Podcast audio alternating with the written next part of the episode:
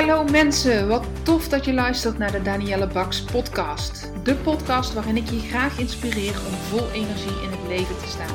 Wat kun je doen om meer werkgeluk te ervaren? Hoe kom je erachter welk werk nu echt bij je past?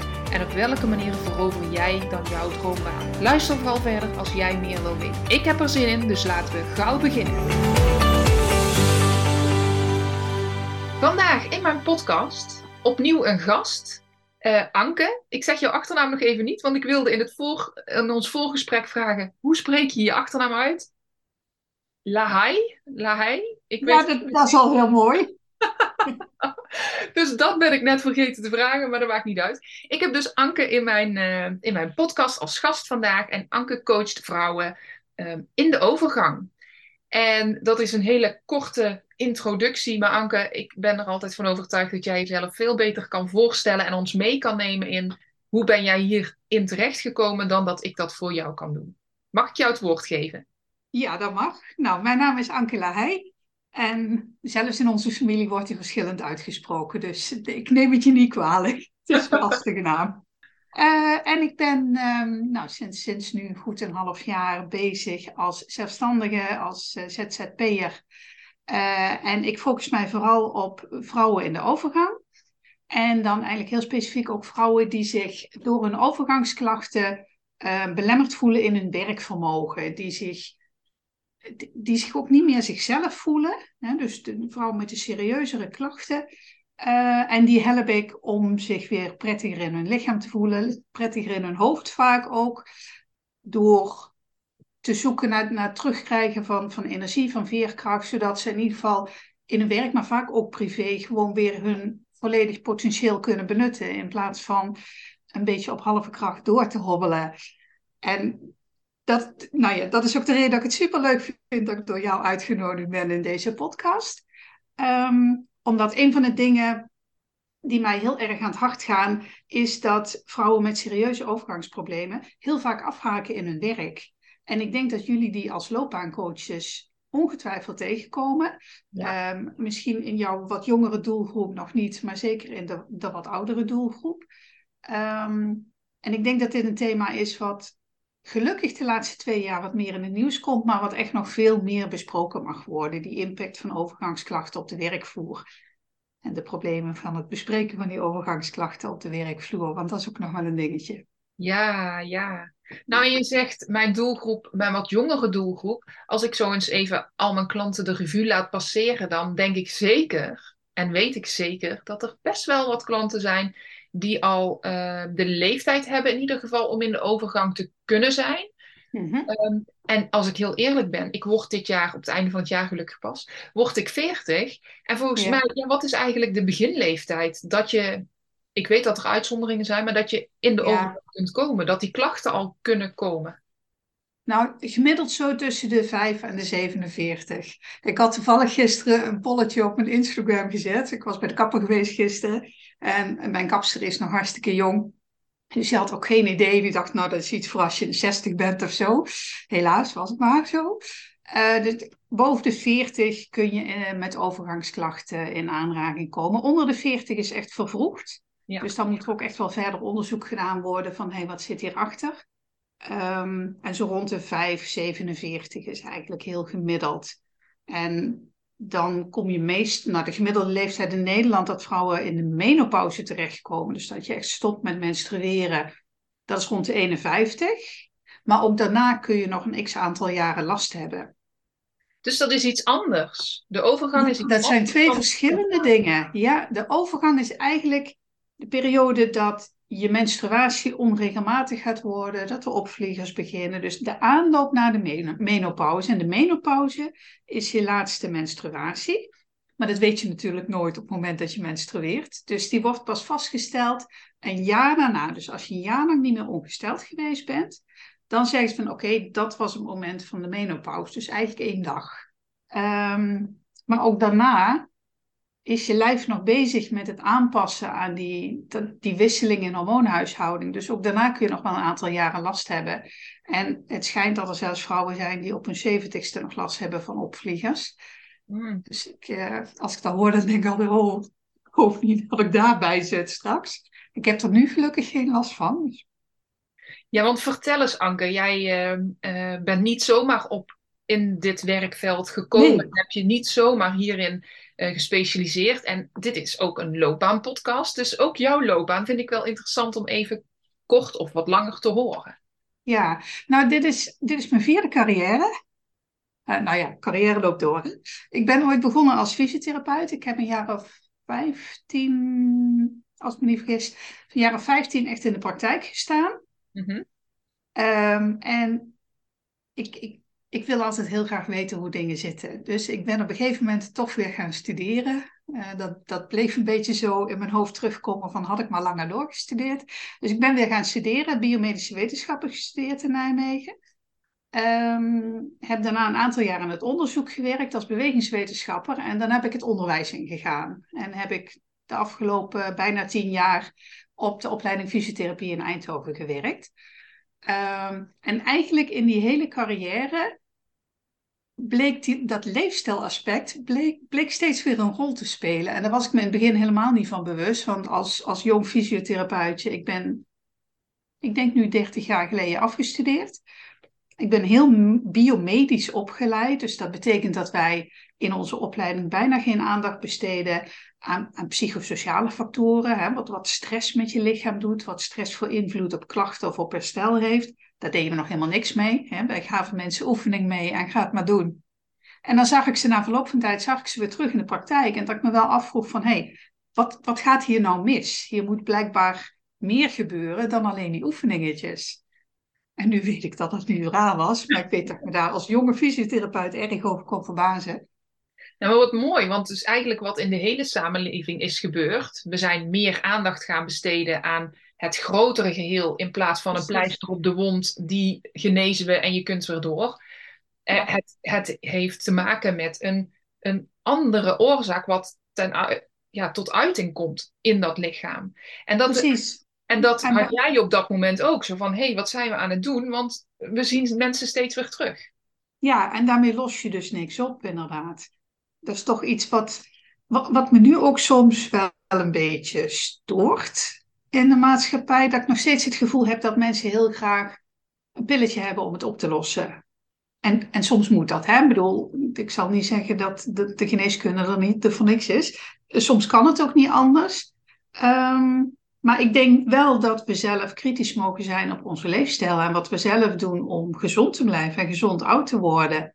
Ja, en daar heb je dus kennis voor nodig van specialisten zoals jij. Dat wanneer je of in de overgang, maar ook uh, een burn-out, ik denk dat we het daar dadelijk ook nog wel over krijgen, um, of een andere oorzaak, dat dat op een heel ander niveau de, de, de oorzaak zit. Waar je Precies. dus anders aan kan doen. Ja, en dat die soms inderdaad ook moeilijk te duiden is, hè, waar die oorzaak precies zit. Want dat kan ook een opeenstapeling van factoren zijn. En moet zeggen dat ik het zo naar vrouwen met overgangsklachten ook wel eens uitleg. Zo van, waarschijnlijk zitten er al in meerdere systemen in je lichaam, is de balans een beetje wankel. En op het moment dat je in de overgang komt en die hormonen opeens gaan veranderen, en die hormonen werken door je hele lichaam op allerlei verschillende organen en op je hersenen en noem maar op moment dat dat er dan bovenop komt, dat is dan vaak zo de druppel die de emmer doet overlopen. Of het, het eerste domino-steentje wat zo'n hele riedel in gang zet. En dan zie je vaak dat ze onderuit gaan. Ja. Dat, en dus zeker diegene waar, waar de veerkracht al wat, wat minder was, door weet ik veel wat er allemaal in de voorgeschiedenis al gebeurd is. Um, en misschien zit er ook een stukje aanleg in. Um, daar zie je dat heel vaak die overgang dan het moment is dat ze gaan omvallen. En, en soms echt heftig onderuit gaan, met, met echt werkuitval tot gevolg. Terwijl je daar denk ik heel veel nou, preventief aan kunt doen. Preventief is altijd lastig, want als mensen geen last hebben, is het heel moeilijk om je gedrag daarop aan te passen. Mm-hmm. Maar zeker op het moment dat er beginnende klachten zijn, dat je dan alert bent van hé, hey, dit zou wel eens de overgang kunnen zijn. En hier moet ik iets mee. En ja. dan is zelf met je leefstijl aan de slag eigenlijk de makkelijkste stap. Ja. Maar je kunt daar zelf heel veel in doen om te voorkomen dat het erger wordt. En als je zegt beginnende klachten, want daar is denk ik ook, uh, dat is een mooi punt om deze podcast uh, uh, te starten. We zijn al lang gestart, maar om daarop nu door te borduren. Want dat is het moment dat mensen überhaupt bedenken: oh, ik, ik ben in de overgang, of wat betekenen mijn klachten? Wat, wat voor klachten heb je het dan over? Wat denk jij als eerste aan? Mag ik je dat vragen? Um, waar denk ik als eerste aan? Nou ja, ik, ik zit natuurlijk zelf, zo zit ik dan weer in elkaar. Alles wat je vertelt, dat betrek ik op mezelf. Maar dan hoor ik, oh wacht, ik ben uh, nog geen veertig, dus van, voor mij zal het niet de overgang zijn. Mm. Um, dus het, het zijn ook die klachten die bij zoveel kunnen horen. Maar bij de overgang denk ik aan het, uh, het zweten, de opvliegers. Uh, aan denk ik ook wel een, een uh, verandering van ja, huid, haar, uh, zulke dingen. Um, het gewicht aankomen Precies, in de ja. meeste gevallen, denk ik. Um, waar, waar, wat is het nog meer? Ja, ik denk heel veel waar wij niet bij nadenken. Ik, ik denk ook wel een stukje fitheid. Of uh, ja, vertel het me. Ja. Nou, wat je zegt, zeg maar, de, die, die, die opvliegers, dat s'nachts je bed uitdrijven omdat je zeiknat bezweet bent, dat zijn hele duidelijke tekenen waar, waar de meeste vrouwen ook denken van, oh wacht even, dit, dit zal wel de overgang zijn. Of het zou het kunnen zijn. Um, wat je ook heel vaak in het begin ziet, is dat um, de menstruatie wat onregelmatiger wordt of juist veel heviger gaat worden. Een van de grootste misverstanden is dat vrouwen denken, zolang ik nog menstrueer ben ik niet in de overgang. Dat is absoluut niet het geval, want je kunt nog jaren menstrueren, maar wel al overgangsklachten hebben. Maar die kan wel heel erg veranderen. En als die menstruatie heel erg hevig wordt, dat zijn meestal de vrouwen die ook een arts gaan opzoeken. Weet je, die gaan naar de huisarts of laten zich doorsturen naar de gynaecoloog. Van, daar heb je gewoon fysiek heel veel last van. Hè? Dat, dat kan ook in je werk heel vervelend zijn, heel belemmerend zijn. Je kunt er ook echt beroerd van zijn. Vrouwen die heel veel last hebben van opvliegers, die schakelen en denken van, oh wacht, hier moet misschien eens even met mijn huisarts over gaan praten. Maar het hoeft niet met die klachten te beginnen. Het kan ook beginnen met slecht slapen. En slecht slapen is een van de dingen die zo'n hele riedel in gang kan zetten. Want als jij slecht slaapt, ben je overdag minder belastbaar. Heeft dat invloed op je concentratie? Um, heeft dat invloed op je stemming? Zul je misschien wat minder vrolijk zijn? Dus wat depressieve klachten kunnen erbij komen. Uh, meer spanningen, het beruchte korte lontje, die hoor je ook nog wel heel vaak. Eh, en die wordt ook nog wel veel aan de overgang gelinkt. Maar als dat zo geleidelijk gaat en begint met, met slaapproblemen, dan is de overgang vaak niet het eerste waar je aan denkt. En zeker als je pittige baan hebt, dan zoek je het vaak veel meer in. Ik zal wel wat te veel stress gehad hebben. Wie heeft er vandaag de dag geen stress, denk ik dan. Hè? Dus vaak zoek je het dan in, in de omgeving en niet per se in van, goh, zouden we mij fysiek iets aan, aan het veranderen zijn? En wat je zegt inderdaad, die klachten van, klachten, de veranderingen die je merkt in je huid en in je haren, vaak heb je wat meer haarverlies. Je huid wordt slapper, dus de eerste rimpeltjes gaan ontstaan. Hè? De elasticiteit verdwijnt uit de huid. Um, maar dat heeft ook met normale veroudering te maken. Dus niet alleen de overgang. Um, Sommige vrouwen hebben heel erg veel last van blessures. Die sporten fanatiek en die merken boven hun veertigste beetje van... Oh ja, ik merk dat ik de veertig gepasseerd ben. Ik heb veel vaker een blessure. Dat is niet per se dat de, de 40 gepasseerd zijn, maar wel het beginnen van die overgangsklachten. Want die oestrogenen die werken ook in op je bindweefsel en die werken ook in op je spieren en gewrichten. Dus je kunt ook echt meer spieren- en gewrichtsklachten hebben. Je kunt hartkloppingen gaan krijgen. Hmm. Ook iets wat, wat nou, ik had daar zelf heel veel last van. Ik dacht, ja, dat is puur de stress op mijn werk. S'nachts in bed liggen en dan boem, boem, boem. Dat hart in mijn keel voelen kloppen. Dat waren niet de dingen waar ik aan de overgang dacht. Nee. En hoe kom je er dan achter dat het wel de overgang is? Of hoe sluit je het uit? Want een paar van de dingen die jij zegt, denk ik, oh ja, oh ja, dat, dat herken ik. Of dat herken ik bij vriendinnen of bij mensen in mijn omgeving. Dus hoe, als het allemaal van die uh, klachten zijn of dingen zijn, signalen zijn die bij meerdere, uh, die meerdere oorzaken kunnen hebben, hoe kom je er dan achter of je wel of niet in de overgang bent? Nou, dat, dat is ook een hele lastige. Dus nou ja, leeftijd speelt een rol. dus uh, bij de 40 gepasseerd, dan, dan mag het ergens in je achterhoofd een keer een belletje rinkelen van, goh, misschien. Um, Maar heel vaak is het een, een combinatie van factoren en uitsluiten van andere dingen. Dus als je inderdaad, ik heb ook bij de cardioloog gezeten, van hè, toch even een hartfilmpje maken. Dus je sluit dingen uit en dan blijft er uiteindelijk alleen nog maar de overgang over. En het grappige is dat ik niet eens in gesprek met de huisarts erachter kwam dat het de overgang was. Dat kwartje viel totaal niet, maar dat was ook meer omdat ik vrij kort daarvoor een burn-out gehad had. En ik ging eigenlijk naadloos over in mijn overgang, weet ik nou terugkijkend. Maar dat ik, ik bleef een beetje zo die psychische klachten houden, concentratieproblemen. Ehm, ik had af en toe echt last, ja, ik noemde altijd breinpap. Gewoon echt niet meer kunnen denken, geen twee zinnen achter elkaar weer uit kunnen spreken. En ik weet dat ik op een gegeven moment uh, toch nog een keer teruggegaan ben. ik was bij zo'n reïntegratiepsycholoog geweest. En ik zat met haar te praten. Nou, ik was weer twee, drie keer geweest. En zij had op een gegeven moment zoiets van: Ja, weet je, ik, ik weet eigenlijk niet hoe ik jou verder kan helpen. Want volgens mij doe je het op je werk prima. Hè? Pas je de, de goede trucjes toe om, om in balans te blijven. Maar moet je niet eens aan de overgang gaan denken. En zelfs toen had ik nog zoiets van: Nou, volgens mij niet. Hoe oud was je toen als ik vragen mag? Toen was ik, ik denk een jaar of 46. Ja, ja is nu een jaar of zes geleden.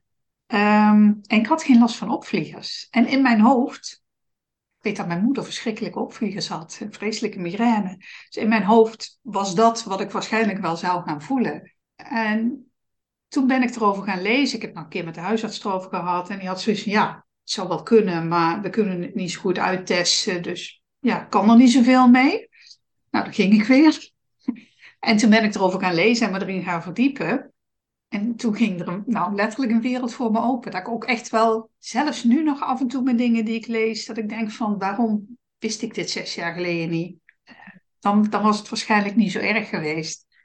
En toen ben ik gaan uitproberen en inderdaad met mijn leefstijl gaan, gaan, gaan spelen, dingen gaan veranderen. En toen merkte ik van oké, nou begint het langzaam beter te gaan. He, zit die, die lijn bergop er weer in. Ja, want wat je, wat je dan wat ik me kan voorstellen, waar je dan behoefte aan hebt, is een verklaring voor hetgeen wat je merkt. En um, eigenlijk is die verklaring niet eens zo heel belangrijk, mits wat je al zegt, de dingen die um, als het ergens anders aan ligt en er is wel een oorzaak dat je die wil uitsluiten, tuurlijk, hè, dat is belangrijk. Ook als je zegt veel bloedverlies, ik kan me voorstellen dat daar ook andere oorzaken in zitten, die wel degelijk uh, bij een specialist bekeken moeten worden. Wanneer dat allemaal uitgesloten is en je hebt niks aan je hart en, en er is niks in je baarmoeder bijvoorbeeld aan de, aan de hand, dan maakt het eigenlijk niet per se uit wat het is, als je merkt dat met leefstijlaanpassingen het beter gaat. Alleen die bevestiging die vinden wij als mens zo fijn. Nou, en het, het geeft ook rust. Want ik bleef een beetje ehm, zoeken en ook, ook vechten tegen zo af en toe van die fases dat, dat het in mijn hoofd niet leek te werken. En ik, ik, ik moest colleges geven. Ik stond voor grote groepen studenten. Uh, het idee dat je dan niet meer uit je woorden komt, daar ga je niet heel relaxed zo'n college in. Uiteindelijk viel er altijd wel mee, hè, want je hebt je verhaal wel in je hoofd. Um, ik vond het gewoon mega frustrerend dat ik er geen grip op kreeg. En toen ik voor mezelf accepteerde van, weet je, volgens mij is dit gewoon de overgang, dan valt er ook een stukje druk weg. Want dan blijf je niet zo zoeken van, is het dan stress en waar heb ik dan last van? En zit ik dan hier niet op mijn plek? Of kan ik dit nog wel? Dat valt dan weg. En dan, ja, dan kun je ook gaan kijken en gaan proberen van wat werkt er dan voor mij. Dus je wordt eigenlijk, je werd eigenlijk onzekerder. En doordat je dacht, hé, hey, ik herken me in dit verhaal van ik ben in de overgang, kreeg je bevestiging waardoor je uh, ook weer een stukje zelfvertrouwen terugkreeg. Van oké, als het dit is, ga ik hiermee aan de slag en dan uh, dan heb ik een oplossing tussen haakjes. Ja, precies. Ja, en, en on, onzeker is echt nog een ander statement. Ik weet dat ik op een gegeven moment huilend aan de telefoon gehangen heb met een goede vriendin van mij. Van, joh, ik kan dit niet en ik kan, kan dit werk niet blijven doen. Zo echt zo totale onzekerheid over hoe die toekomst er dan uit ging zien.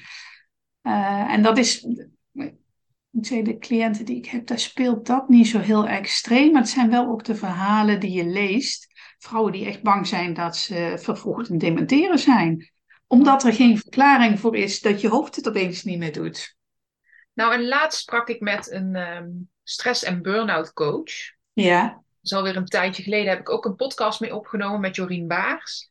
En zij vertelde in die podcast dat uh, de reden, nee, een van de misvattingen is dat sommige mensen in die leeftijdscategorie, wat jij ook noemt, Ja. een burn-out krijgen, maar eigenlijk ten onrechte Precies. het, het labeltje burn-out krijgen. Ja. Waardoor ze het herstellen van een burn-out kan heel anders gaan dan het leren omgaan met een overgang. Precies. Dan ben je aan de verkeerde knoppen draaien. En dan lukt het dus ook niet om uit die burn-out-achtige klachten te komen. Daar zat mijn frustratie ook heel erg. Dus Ja, maar dat is inderdaad iets wat, nou ja, gelukkig minder, want er is, er is meer aandacht voor bij de, bij de arboartsen ook. Die hebben sinds eind 2021, geloof ik, is daar een nieuw standpunt overgangenwerk geschreven. Waar echt aandacht is voor vrouwen in de overgang en hoe daarmee om te gaan. En welke niet-typische klachten er allemaal aan kunnen hangen. Zodat daar wat meer awareness is van, hey, dit zou ook wel eens kunnen spelen. Want als je inderdaad het verkeerde labeltje opgeplakt krijgt, dan word je dus ook niet op de goede manier geholpen. En dat is wel een hele belangrijke. Ja, En ah, weet je, als, je naar de, als je naar de cijfers kijkt, dan ja, ik, ik schrik daarvan hoeveel vrouwen uiteindelijk kiezen om minder te gaan werken, omdat ze denken van ja, ik kan dit niet meer. En dan heb je het echt over, ehm, nee, ik moet hem even wat genuanceerder zeggen. Eh, ongeveer 80% van de vrouwen in de overgangsleeftijd heeft echt overgangsklachten. En een derde daarvan heeft dusdanig klachten dat het door werk of door privéomstandigheden belemmert. Dat ze daar echt last van hebben. Hindert in activiteiten en in hun doen en laten. Ehm, dat zijn er nog steeds een paar honderdduizend.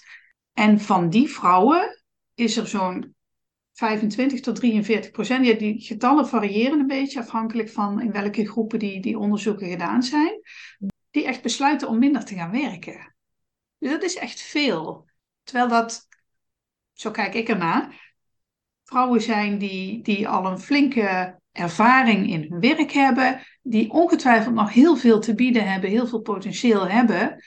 Uh, en om de verkeerde redenen, mogelijk, minder gaan werken, uit het arbeidsproces gaan stappen. Andere baan gaan zoeken, minder cognitief belastend, minder fysiek belastend, noem maar op. Zonde.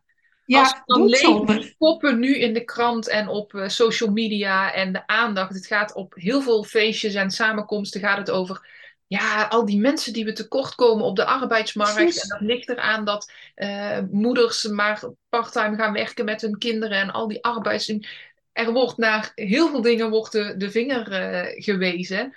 Maar het is dus ook de ja, onwetendheid die er toch nog op een heel, bij heel veel mensen of überhaupt is over de rol wat een overgang daarin doet. Precies, ja. En wat wel heel positief is, je ziet dat met name de grotere bedrijven, um, die, hebben die hebben vaak een organisatie um, in, in, dienst niet gecontracteerd, die echt met vitaliteit bezig is. En daar zie je nu ook wel specifieke programma's komen voor vrouwen in de overgang. Dus daar begint absoluut veel meer aandacht voor te komen. Want weet je, het is in het belang van de werkgever om die vrouwen zo vitaal mogelijk te houden. En ja. ook daar is het een kwestie van dan aan de juiste knoppen gaan draaien. Ja. En dan is het nog steeds een lastige hoor op de werkvloer. Niet, niet elke baan laat zich zo makkelijk modelleren dat je er goed rekening mee kunt houden. In niet elke werkomgeving is het heel makkelijk om je overgangsklachten op tafel te gooien, om het daar met collega's over te hebben. Daar rust ook echt nog wel een taboe op.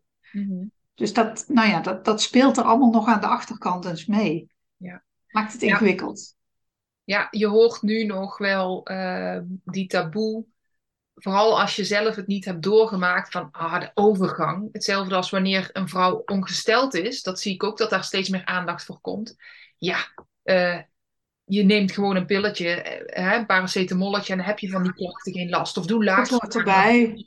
iets uitdoen en het hoort erbij. Ja. Niet zo Ja, aanstellen. precies. Ja, Het is veel serieuzer dan dat. Als ik jou ook hoor met jouw ervaring van, ja, ik ging echt twijfelen aan, ben ik niet, eh, ja, kan ik dit nog wel? ja precies. Ja. Wat een verschil.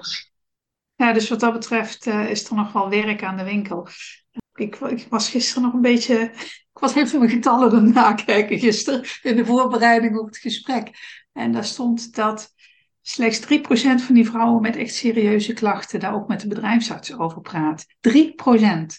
Terwijl het verzuim enorm hoog is daardoor. Maar er is dus ook heel veel verborgen verzuim. Zo van, nou, ik ben niet lekker, val uit, blijf een paar dagen thuis. En dan niet benoemen dat dat met overgangsklachten te maken heeft. Misschien ook niet weten, hè? dat kan ook. Wat goed niet weten. daar dan uh, nu steeds meer in meegenomen worden, zodat ze ook actief kunnen uitvragen, zoals die arboarts bij jou ook heeft gedaan. Ja, absoluut. Ja. Ik voel me daarin ook uh, aangesproken, omdat wanneer ik dus mensen spreek die niet blij zijn met hun werk en ik naar welke klachten of naar welke, ja, wat spreekt iemand uit? Of waardoor dat bij mij een belletje zou mogen gaan rinkelen? Nou ja, ik denk met name, ik, ik, ik, weet natuurlijk niet precies hoe ze bij jou zitten, maar ik kan me voorstellen dat, dat iemand een vaag idee heeft van ik zit niet meer op mijn plek. Ik zit niet meer lekker in mijn vel en misschien moet ik ander werk gaan doen, want ik voel, ik voel me ook minder competent daarin. Dus ik wil naar iets anders gaan kijken. En dan is de vraag heel erg, waarom zitten ze niet meer op hun plek? En ik weet dat ik dat ook een hele lastige vond. Want ik dacht van ja, ik, ik vind mijn werk. Ik zat hè, in het onderwijs, ik vond hartstikke leuk werk. Dus daar zat het ook niet in. En tegelijkertijd was daar heel erg die twijfel van, kan ik dit nog? Moet ik dan misschien toch iets anders gaan kiezen? En pas op het moment dat ik weer lekker in mijn vel zat en, en dat achter me kon laten, toen kon ik ook weer gaan kijken van, hé, hey, wat wil ik nou de komende twintig jaar nog gaan doen? Maar in ieder geval de komende tien. En dan is er ook weer ruimte om te denken van, oh ja, maar nou, dan, ik, ik kies ervoor om voor mezelf te gaan beginnen. Want dat was een stap die had ik vier jaar geleden niet kunnen nemen. Hmm. Omdat ik het gewoon allemaal niet kon overzien. Nu dat dit zo alert bij mij is, samen met ook wat ik net zei, die dame die me, uh, over burn-out ging en die al het linkje legde met overgang. Ik ga het in ieder geval benoemen zeg je dan van, goh, benoem het naar mensen en laat ze contact opnemen met een huisarts? Is een huisarts daar de aangewezen persoon voor? Ja, ja. toch? Bij de, de gewone overgangsklachten is de huisarts nog steeds de beste aanspreekpersoon. Als het complexer is, als iemand ook andere aandoeningen heeft, dan kan het soms wel slim zijn om ook naar een gynaecoloog door te laten sturen. Maar in principe kun je daarvoor prima bij de huisarts terecht. En heb je een huisarts die daar nog niet zo heel erg in thuis is, of hè, misschien, misschien een hele jonge huisarts, of uh, juist een veel oudere die nog eens van het niet piepen gewoon doorgaan, um, dan mag je daar ook best wel op tafel leggen wat je daar precies voor klachten van hebt en een beetje aandringen. Alleen het lastige is dat een huisarts qua onderzoek ook maar beperkt is. Met bloedonderzoek, je kunt niet vastpinnen dat iemand in de overgang zit. Je kunt alleen andere dingen uitsluiten en naar het totale plaatje kijken. Maar zeker de moeite waard om dat uit te laten zoeken als iemand toch een beetje door jouw vragen aan het twijfelen gebracht wordt van ja, misschien speelt er wel iets heel anders. Wat misschien gewoon een goede vraag is, los van het. Ik kan me voorstellen dat als iemand twijfelt over zijn baan, dat ze juist psychisch wel wat meer spanning hebben, misschien wat slechter slapen en noem maar op allemaal. Maar gewoon eens te vragen, voel je je anders dan een paar jaar geleden? Want vaak hebben vrouwen echt zoiets van, ja, ik zit gewoon anders in mijn vel. Ik, ik, ken mijn, ik herken mijn lichaam niet meer zoals ik dat eerder kende. En, en ook met die vraag kan ik me voorstellen dat mensen inderdaad snel de afslag burn-out of bore-out of een andere overspannen of een andere uh, afslag nemen. Wat kan jij voor mensen doen? Want je bent, vertel eens. Ja, nou, wat we doen is in ieder geval alle aspecten van leefstijl in kaart brengen en uitgebreid in kaart brengen welke klachten mensen hebben. Er is een vragenlijst, overgangsvragenlijst. Dat is een gevalideerde vragenlijst. Er staan 21 verschillende klachten op, een aantal fysieke klachten, een aantal psychische klachten. Dan noemen ze de vasomotoren klachten, dus de opvliegers en het nachtzweten. En dan zitten er nog de, de seksuele problemen slash urogenitale klachten bij. Uh, hoewel die vaak pas op, op iets latere leeftijd echt een rol gaan spelen. Maar die vragen we uit. En uh, ik vraag uit in hoeverre dat ze er ook echt last van hebben, zich erdoor belemmerd voelen. Weet je, sommige klachtjes zijn aanwezig, maar belemmeren niet per se. En dat leggen we naast de leefstijl. En leefstijl, dan kijken we echt naar, naar voeding. Wat is je beweegpatroon? Uh, wat doe je aan sport? Uh, maar wat is ook je, gewoon je dag, dagelijkse beweging tussen de bedrijven door? Hoe ga je om met stress? Wat betekent stress voor jou? Wat doe je aan ontspanning? Waar haal je je ontspanning uit? En we kijken naar slaap. Dat zijn eigenlijk de belangrijkste pijlers van leefstijl. En vervolgens gaan we kijken, nou, wat, wat zijn nou de meest voor de hand liggende knoppen om aan te gaan draaien? Waarbij er veel gewoon uitgeprobeerd mag worden. En sommige dingen wat makkelijker uit te proberen zijn dan andere. Weet je, als je, ik noem even een, een extreme, als je stopt met suikers eten, dan is dat de eerste paar dagen vreselijk vervelend. Maar ga je daarna al heel snel beter voelen. Alleen dat is ook meteen een hele lastige om vol te houden. Kleine ontspanmomentjes door de dag is iets waar je met, met in de coaching gewoon makkelijk naar kunt gaan kijken. Ik kan me voorstellen dat dat dingen zijn waar jij bijvoorbeeld ook wel eens gesprekken met mensen over hebt. Hoe heb je je dag ingedeeld? Hoe sta je ochtends op? Hoe, hoe, sluit je je dag af? Hè? Wat, wat doe je de laatste uren voordat je naar bed gaat? Kijken of je iets aan die slaap kunt doen.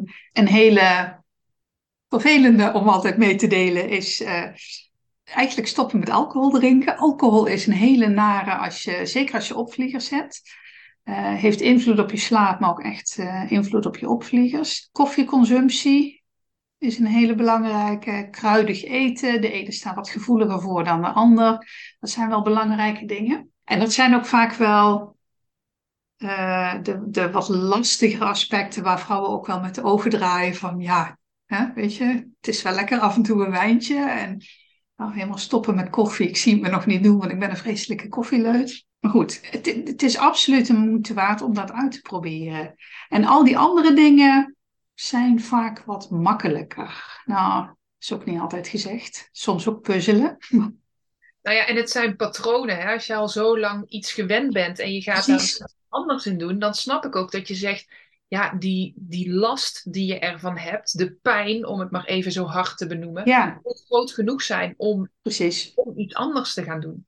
En ik ken wel iemand die loopt al jaren met op, vooral de opvliegers en ook s'nachts wat ze verschrikkelijk vindt, is bij de huisarts geweest, heeft een paar keer de pil gekregen om het te onderdrukken. Maar ja, ook de huisarts zegt, je moet er een keer doorheen.